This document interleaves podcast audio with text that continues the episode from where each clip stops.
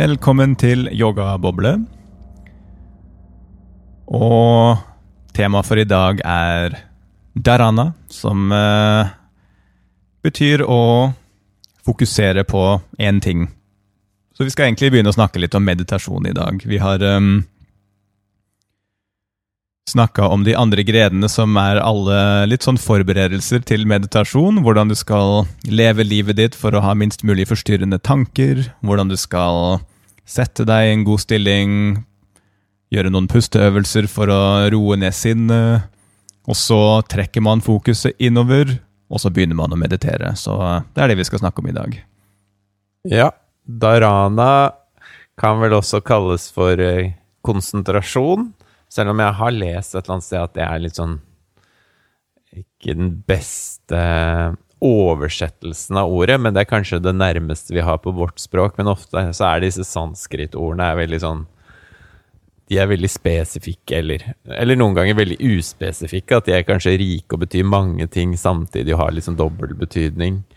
Eh, så derfor så er det ikke så lett å oversette til engelsk eller norsk alltid, på en veldig god måte. Det er derfor det ofte blir veldig mye sanskrit-gloser når man snakker om yogafilosofi, for det er så mange ord det bare ikke går an å oversette. Du må bare høre det i såpass mange kontekster at du etter hvert bare får en slags forståelse for hva ordet innebærer. Ja, men i hvert fall dharana, det er da første måte, litt sånn første skrittet i meditasjon. Det å vende oppmerksomheten til et meditasjonsanker. Så for dere som ikke har eh, um, holdt på så mye med meditasjon, og jeg går ut fra at folk som hører på en, en uh, podkast som heter Yogaboble, har drevet litt med meditasjon, men kanskje ikke alle. Uh, men for dere som, som, ikke har prøvd det, så handler meditasjon da om å vende oppmerksomheten tilbake igjen til et objekt, eller til noe, igjen og igjen. Og når du oppdager at oppmerksomheten din har begynt å sveve av gårde, blitt tatt av et eh, tanketog, som man sier på engelsk. Train of Nei, ikke, ja, samme det. I hvert fall når tankene er blitt tatt av gårde. Da så eh, skal du vende oppmerksomhet tilbake igjen til dette meditasjonsankeret. Og det kan være pusten. Pusten er vel kanskje et av de vanligste tingene å fokusere på når man mediterer. Men det kan også være um, et mantra, et ord som du sier igjen og igjen inni deg. Eller det kan være et stearinlys som du ser på flammen, eller en rose, at du observerer eh, detaljen i en rose, eller det kan være eh, Ja, har du noen forslag? Ja, det er jo nesten bare fantasien som setter grenser, men, men, så kan man på en måte skille litt på Patanjali sin yoga og andre typer meditasjon med dette her med pratyahara som vi snakka om sist. Da, at Patanjali vil nok foretrekke at man fokuserer på noe inni seg sjøl på en eller annen måte. Så det å fokusere f.eks. på et stearinlys, eller et, å på, å bruke et visuelt inntrykk, eller å høre på en lyd, vil kanskje være um, ikke det han vil anbefale, får jeg inntrykk av, da, men uh, det blir jo en tolkningssak. Om, om, det går an å vende oppmerksomheten innover selv om du har et ytre inntrykk du fokuserer på. Det går vel sikkert an, på en eller annen måte. Eh, ja, eller han snakker jo også om det å ha oppmerksomheten på det uendelige, hva nå enn det er. Det er jo, Jeg vet ikke om det er verken inni eller utenpå, eller bare uendelig er jo noe som er litt ufattelig. Det er vel kanskje sånn i eh, Samadhi, som vi da kommer til å snakke om, om om, to episoder, så er det etter hvert ikke så stor forskjell på inni og utenpå. Men uansett så er det vel Hvis man starter å meditere, som dharana er på en måte litt sånn første skritt i meditasjon, eh, så er det litt litt samme hva man fokuserer på. Og dette er min påstand, så det, kan godt hende at det er en del kloke meditasjonshoder som vil være litt uenig med meg i det. Men, men, mitt inntrykk er at du må bare finne et eller annet som du eh, bestemmer deg for at men dette her får være godt nok. Det får være pusten, eller det får være et mantra, eller eh, en lyd, eller, eller noe annet. Og så, og, så, og så, går du for det. Jeg vil kanskje si at det er en fordel å velge noe som ikke skaper masse ekstra tanker og følelser. Så eksempel å høre på musikk er eh, Altså, musikk skaper en del følelser i kroppen, og det er ikke nødvendigvis så bra i meditasjon. Ja. Ja, da, det er da mister man noe. Da, da, har man, da er det mye vanskeligere å ha fokuset innover når du har noe utenfor deg som driver og påvirker deg konstant.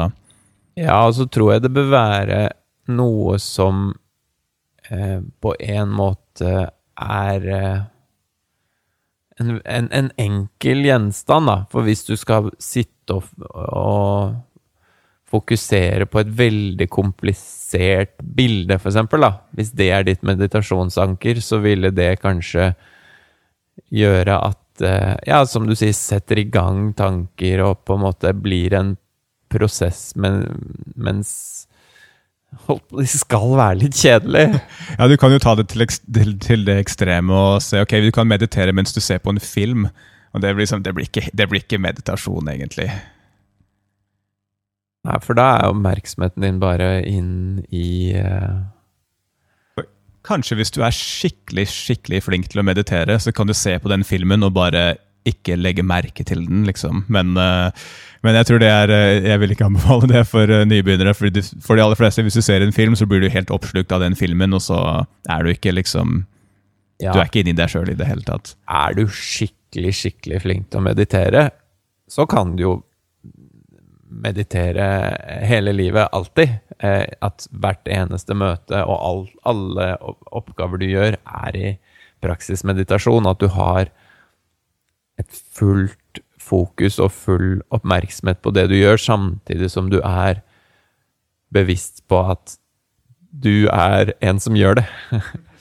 Ehm, så hele livet Målet for yogier og de som er seriøse med meditasjon, er jo at hele livet skal bli en lang, sammenhengende meditasjon, og at du aldri skal miste det meditative fokuset eh, i det hele tatt. Men så er det letteste stedet å øve på det, er det å lukke øynene og forsøke å få så lite impulser utenfra som mulig som setter i gang tanker, og så bare holde oppmerksomheten på én ting som kanskje er litt kjedelig i lengden. Ja, for jeg synes du, du sa det i stad også, at det skal liksom være litt, litt kjedelig, og det syns jeg er litt viktig, egentlig.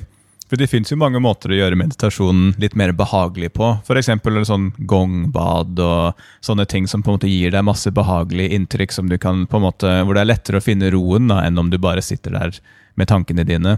Men jeg syns kanskje man mister noe da. at det liksom jeg syns det er bra hvis du opplever litt sånn rastløshet, eller litt sånn ubehag ved at du, du, bare, du bare sitter der med alle tankene dine, og du kjenner på at du sitter litt vondt, og kanskje det er en plagsom lyd, eller eh, kanskje du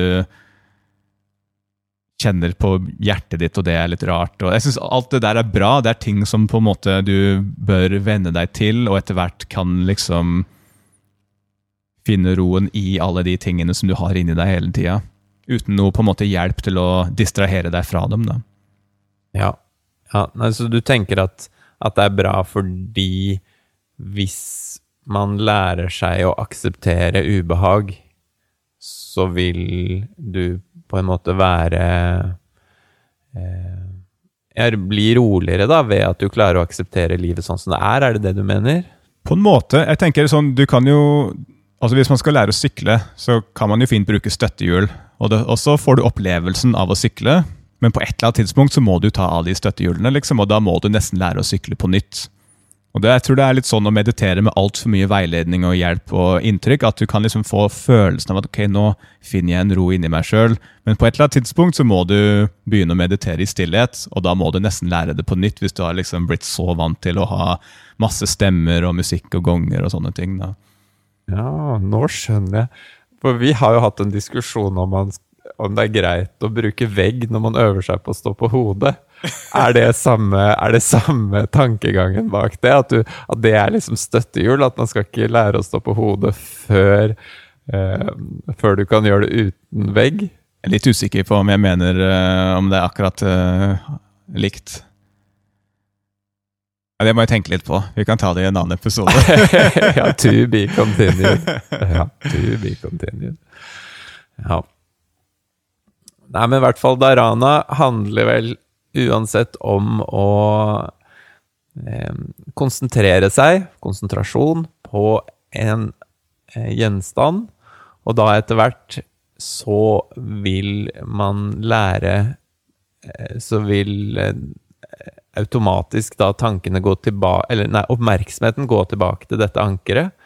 Eh, og dette vil bidra til å få tankene til å stilne, fordi eh, oppmerksomheten blir så vant til eh, å ignorere tanker at når tankene er blitt ignorert eller ikke ignorert, men flyttet oppmerksomheten bort ifra. Når tankene er blitt flyttet oppmerksomheten bort ifra mange nok ganger, så vil til slutt tankene gi opp. De vil, de vil, slutte å prøve å ta oppmerksomheten din. Men det tar lang tid. Ja, det tar lang tid. Jeg tror, det, jeg tror mange opplever at det bare blir mer og mer tanker, og, og at de aldri tar slutt.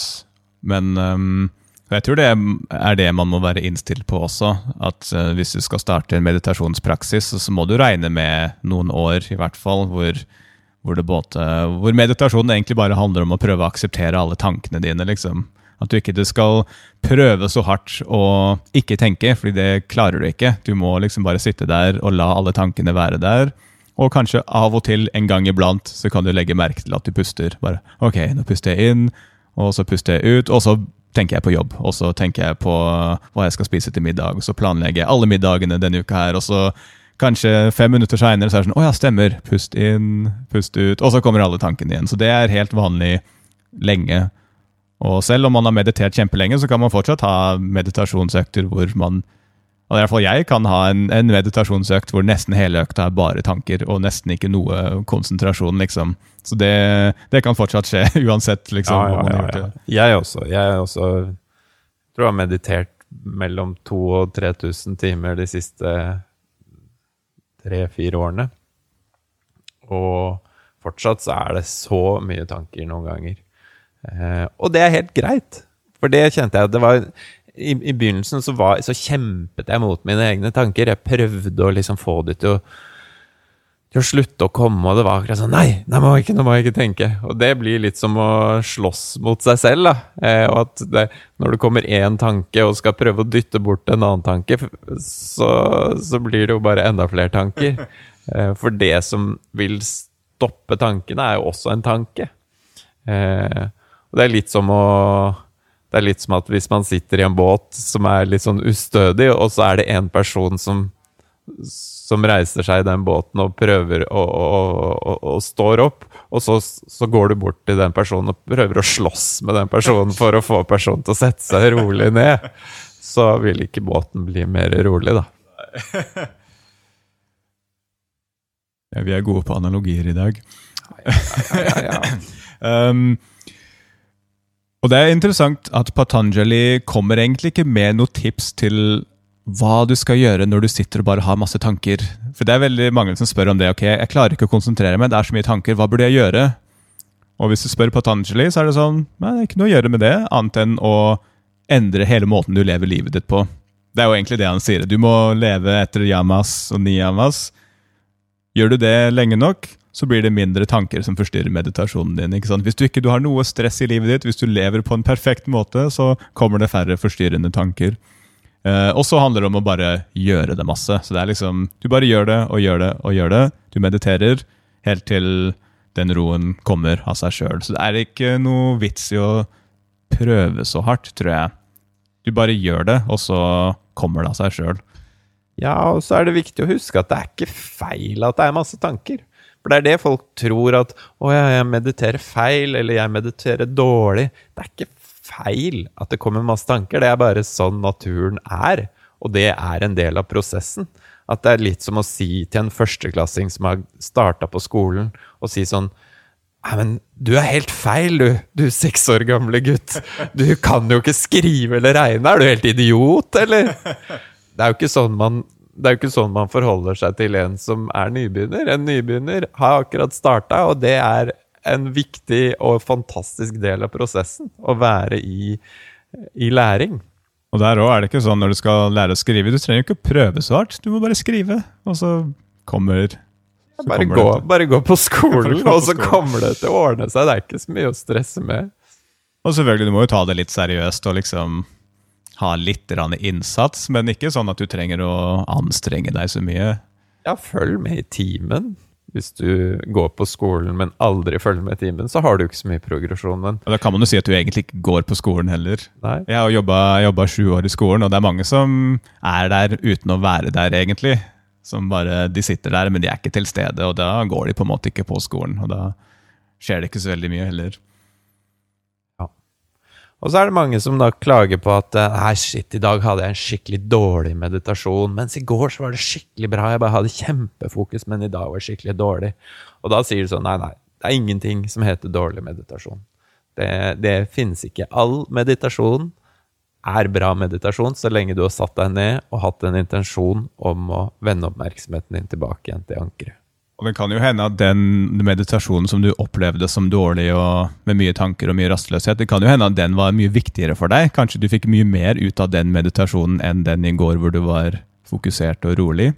Jeg, jeg føler ofte noen ganger at hvis det er mye tanker, så er det fordi det er noe som på en måte må ut. Det er noe som må liksom opp og fram og ut. At det er liksom følelser, et eller annet som ligger liksom latent, som ligger og på en måte skaper slags, et slags press inni meg. Også når man mediterer, så på en måte slipper man de ut på en eller annen måte. og at Det er ikke snakk om å, eller det er ikke nødvendigvis bra å prøve å ikke gjøre det. De må ut, fordi de er der i utgangspunktet. og hvis man skal oversette det til mer sånn tradisjonelt språk, så er det jo det med karma. At alt du gjør, andre handlinger du gjør, skaper eh, noe inni deg. Det skaper inntrykk, eller det som kalles samskaraer. Så du gjør handlinger, det skaper inntrykk i deg, og når du mediterer, så må de på en måte la, få lov til å spille ut. da.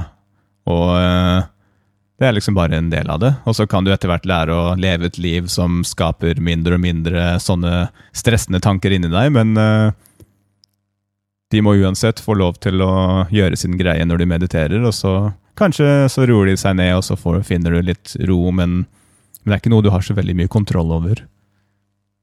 Mm.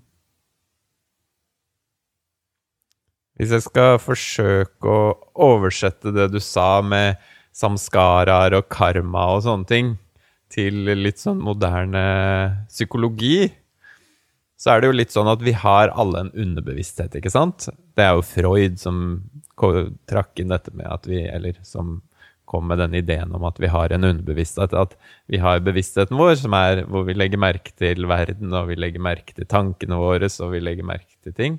Men så er det akkurat som et sånt stort, eh, en, et stort hvelv, et stort lager, som finnes i psyken vår, hvor f.eks. minnene våre er da at vi vi har jo minner, selv om vi ikke tenker på minnene hele tiden. Så det er da underbevisstheten vår. Eh, alle handlinger vi har gjort i løpet av livet, alle tanker vi har tenkt, og, um, og alt vi har sagt, alt vi har opplevd, er på sett og vis lagret i dette store bankhvelvet, eller dette store biblioteket som vi kaller for underbevisstheten vår. Alt påvirker oss. Eh, og eh, alt vi gjør, nesten alt vi gjør, og nesten alt vi sier, og nesten alt vi tenker, kommer på sett og vis fra underbevisstheten vår. At sånn som akkurat nå, så har ikke jeg skrevet et manus på podkast med Henry eh, 6. september eh, 2022. Jeg har ikke forberedt hva jeg skal si. Det bare renner ord ut av kjeften min. Ustanselig renner det nye ord ut av kjeften min. Eh, og hvor kommer de fra? Jeg vet ikke. Jeg har ikke planlagt et eneste ord. Det er ikke sånn at jeg ligger to setninger foran og har tenkt sånn Nei, nå, nå skal jeg si noe lurt der. Jo, noen ganger når du snakker, så gjør jeg faktisk det. Så det er ikke sånn Å, etterpå skal jeg si det der. Men stort sett så bare renner det ting ut av kjeften min, og det gjør det hele tiden i samtaler med andre. Så møter jeg folk, og så sier de noe, så bare detter det nye orda ut av munnen min, og jeg kan overraske meg selv over hva jeg sier. Som oftest ikke, men noen ganger så kan jeg det. For jeg, jeg kjenner meg selv så godt at jeg blir ikke så overrasket over hva jeg selv sier lenger.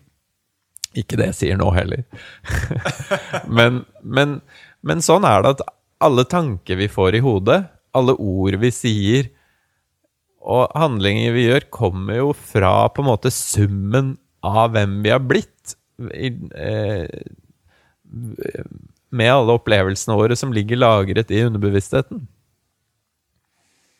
Eh, så på den måten, så hvis du Jo mer du har tillatt tankene dine å bare komme i løpet av meditasjonen din, jo mer får du prosessert underbevisstheten din. Og jo mer du har prosessert og på den måten renset underbevisstheten din, jo mindre tanke vil det etter hvert komme, fordi du har ikke så mye du trenger å prosessere lenger. Mens hvis du mediterer kanskje fem minutter om dagen, som er kjempe, kjempebra, veldig, veldig mye bedre enn ingenting, eh, men du får ikke Da får du på en måte bare prosessert kanskje litt da, av dagen på de fem minuttene. Mens hvis du går på et lengre retreat og sitter i, i flere dager og mediterer, da kan du begynne å både prosessere det som har skjedd i det siste, men så kan du også begynne å gå dypere ned i underbevisstheten og prosessere eh, opplevelser du kan ha fra barndom, eller opplevelser du har fra livet som har vært eh, gode eller dårlige, eller hva som helst. Det kan være også ting som helt, føles helt irrelevant. Plutselig kan det komme opp masse gamle, rare minner. Og det er en del av på en måte rensingen av underbevisstheten din.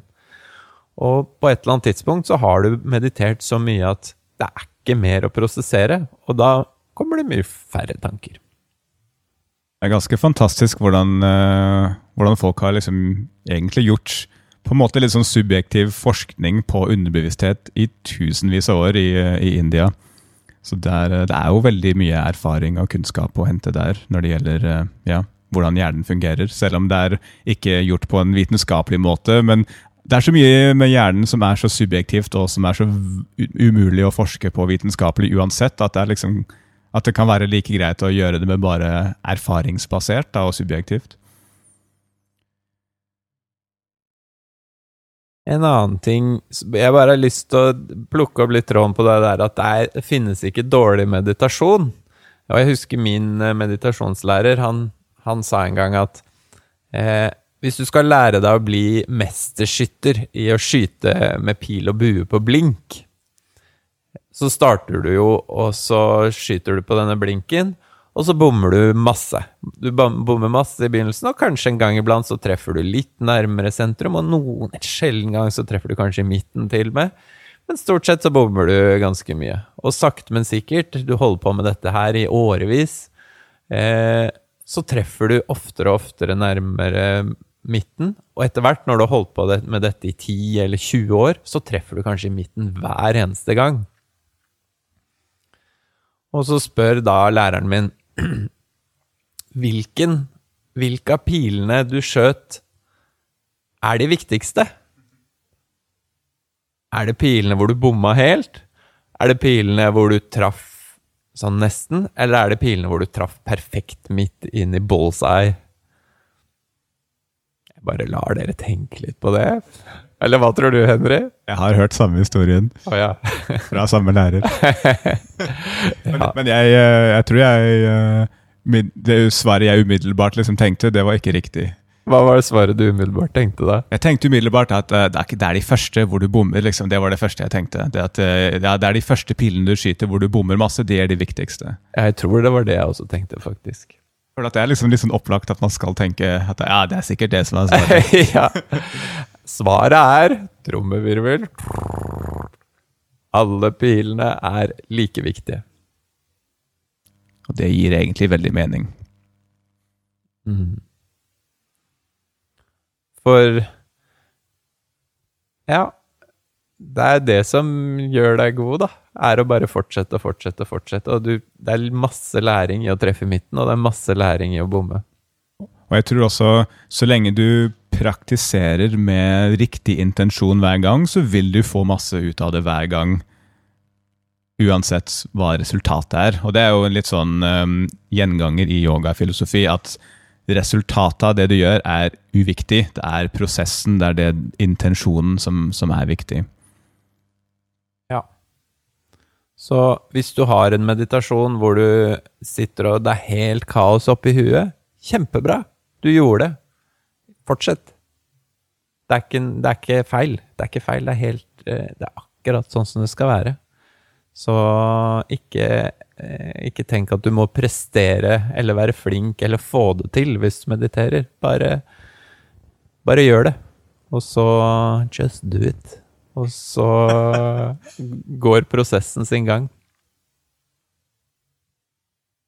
Ja, for dere som er litt uh, interessert i uh, Patanjali og yogasutraen og sånn, så kan jeg jo uh, nevne noe som er litt interessant med tanke på oppdelingen av disse sutraene, eller disse um, strofene.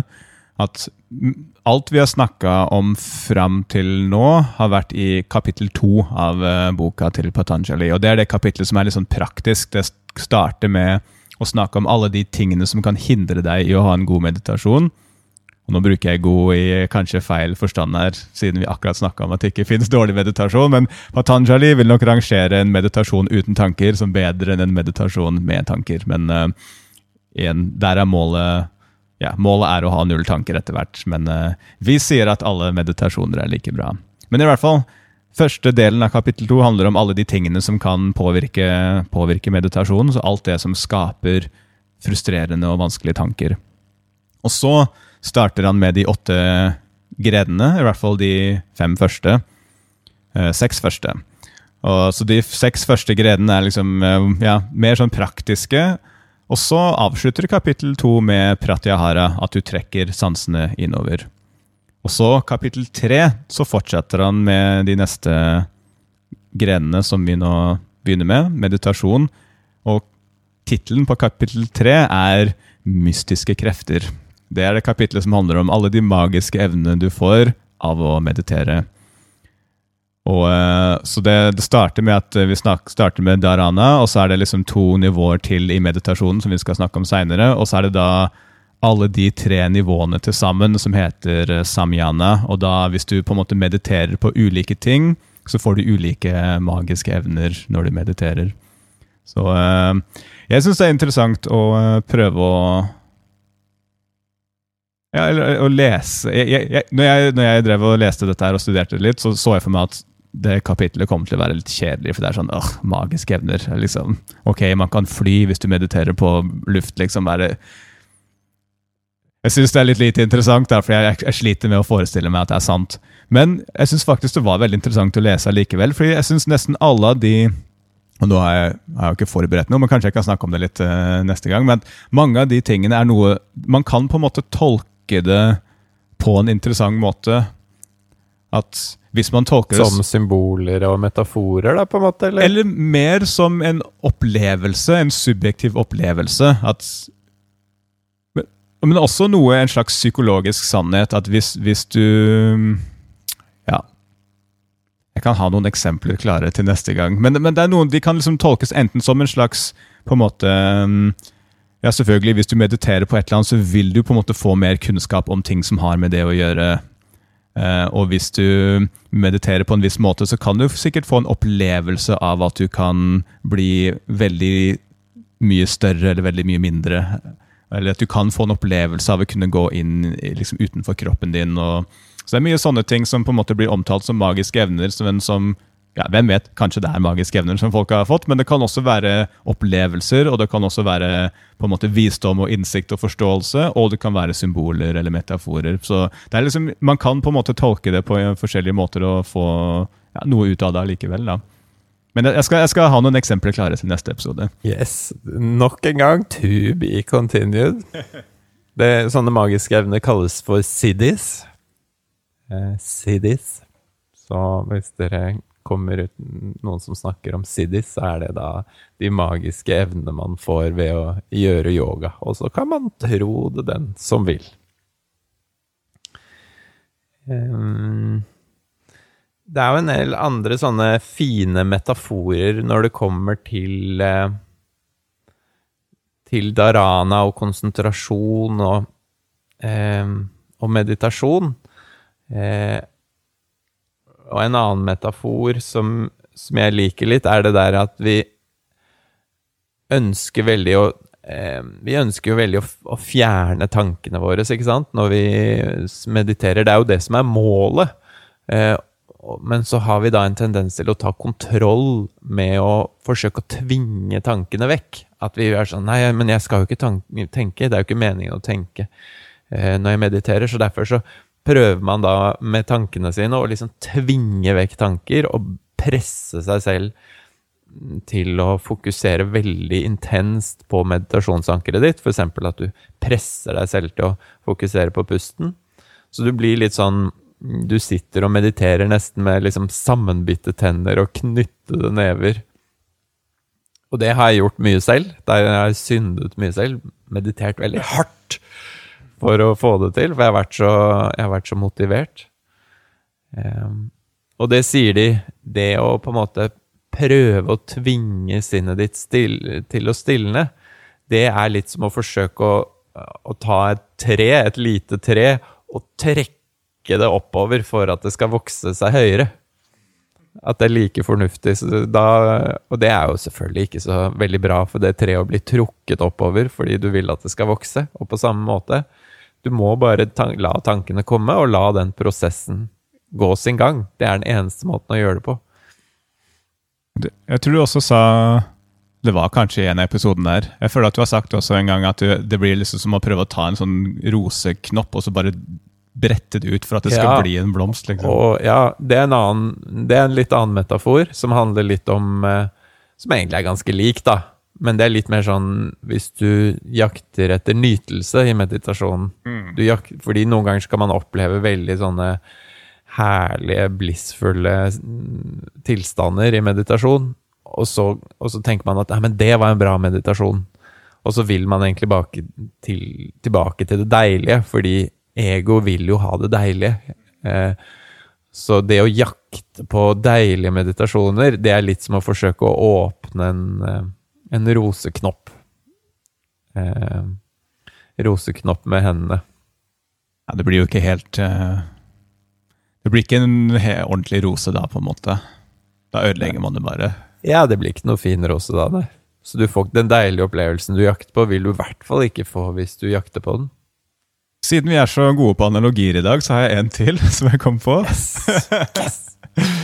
Så um, dette her med disse forstyrrende tankene når du mediterer Jeg syns det kan være litt morsomt å, å se på de tankene litt som en katt. Tenk at du på en måte du sitter på et rom og mediterer, og utenfor det rommet så er det en katt som driver og maser litt, som driver liksom og klorer på døra og vil inn. Og, eh, og den katten er skikkelig forstyrrende, fordi den driver og mjauer og klorer på døra, og den vil inn på rommet der du sitter og prøver å meditere, men er, den katten driver hele tida bare og maser og maser. Men så er det jo sånn, hvis du bare åpner døra og lar katten bare gå ut og inn sånn som den føler for, så er den jo plutselig ikke masete lenger. Det er noe man kan oppleve. at hvis du bare, ok, får, får bare, Nå får tankene bare komme, og så kan de faktisk roe seg litt ned. For den katten vil ikke nødvendigvis inn i rommet. Den vil bare at døra skal være åpen. Den vil bare ha friheten, og så går den jo bare ut igjen. ikke sant? Så um, så kan man jo på en måte sitte og tenke litt på katter og sånt istedenfor uh, de andre tankene man hadde. Ja, og da risikerer du jo at katten kommer kanskje og stryker seg inntil deg og sånne ting. Eh, men kanskje man bare skal også la det skje, da? Ja, man slipper i hvert fall den masinga, liksom. Ja. Kanskje. Det kan jo også hende at den bare kommer enda nærmere og, og, maser i trynet ditt fordi den vil ha mat, eller noe sånt. Så det kan jo også skje med tanken at de kan jo bare bli enda mer maste jo mer du slipper dem til, men da var det kanskje det som måtte skje, da. Ja, jeg, jeg, drar på med enda en analogi. Oi, oi, oi, da er det analogi-battle neste. Neste episode har vi ingenting å komme med. ja, da er vi helt tomme for analogi. Uh, jo, men det er noen som sier at med tankene Du skal, du skal la de slippe inn gjennom hoveddøra, døra foran. Og så kan du la de komme inn. Det er ingen, som, ingen dører som er lukket og så lar du de gå ut igjen bakdøra. Men du trenger ikke å servere de te på veien. Du trenger ikke å si sånn 'Ja, har du lyst på en kopp te? Sett deg ned, så tar vi en prat.' Du bare lar de komme inn. 'Ja, ja, velkommen.'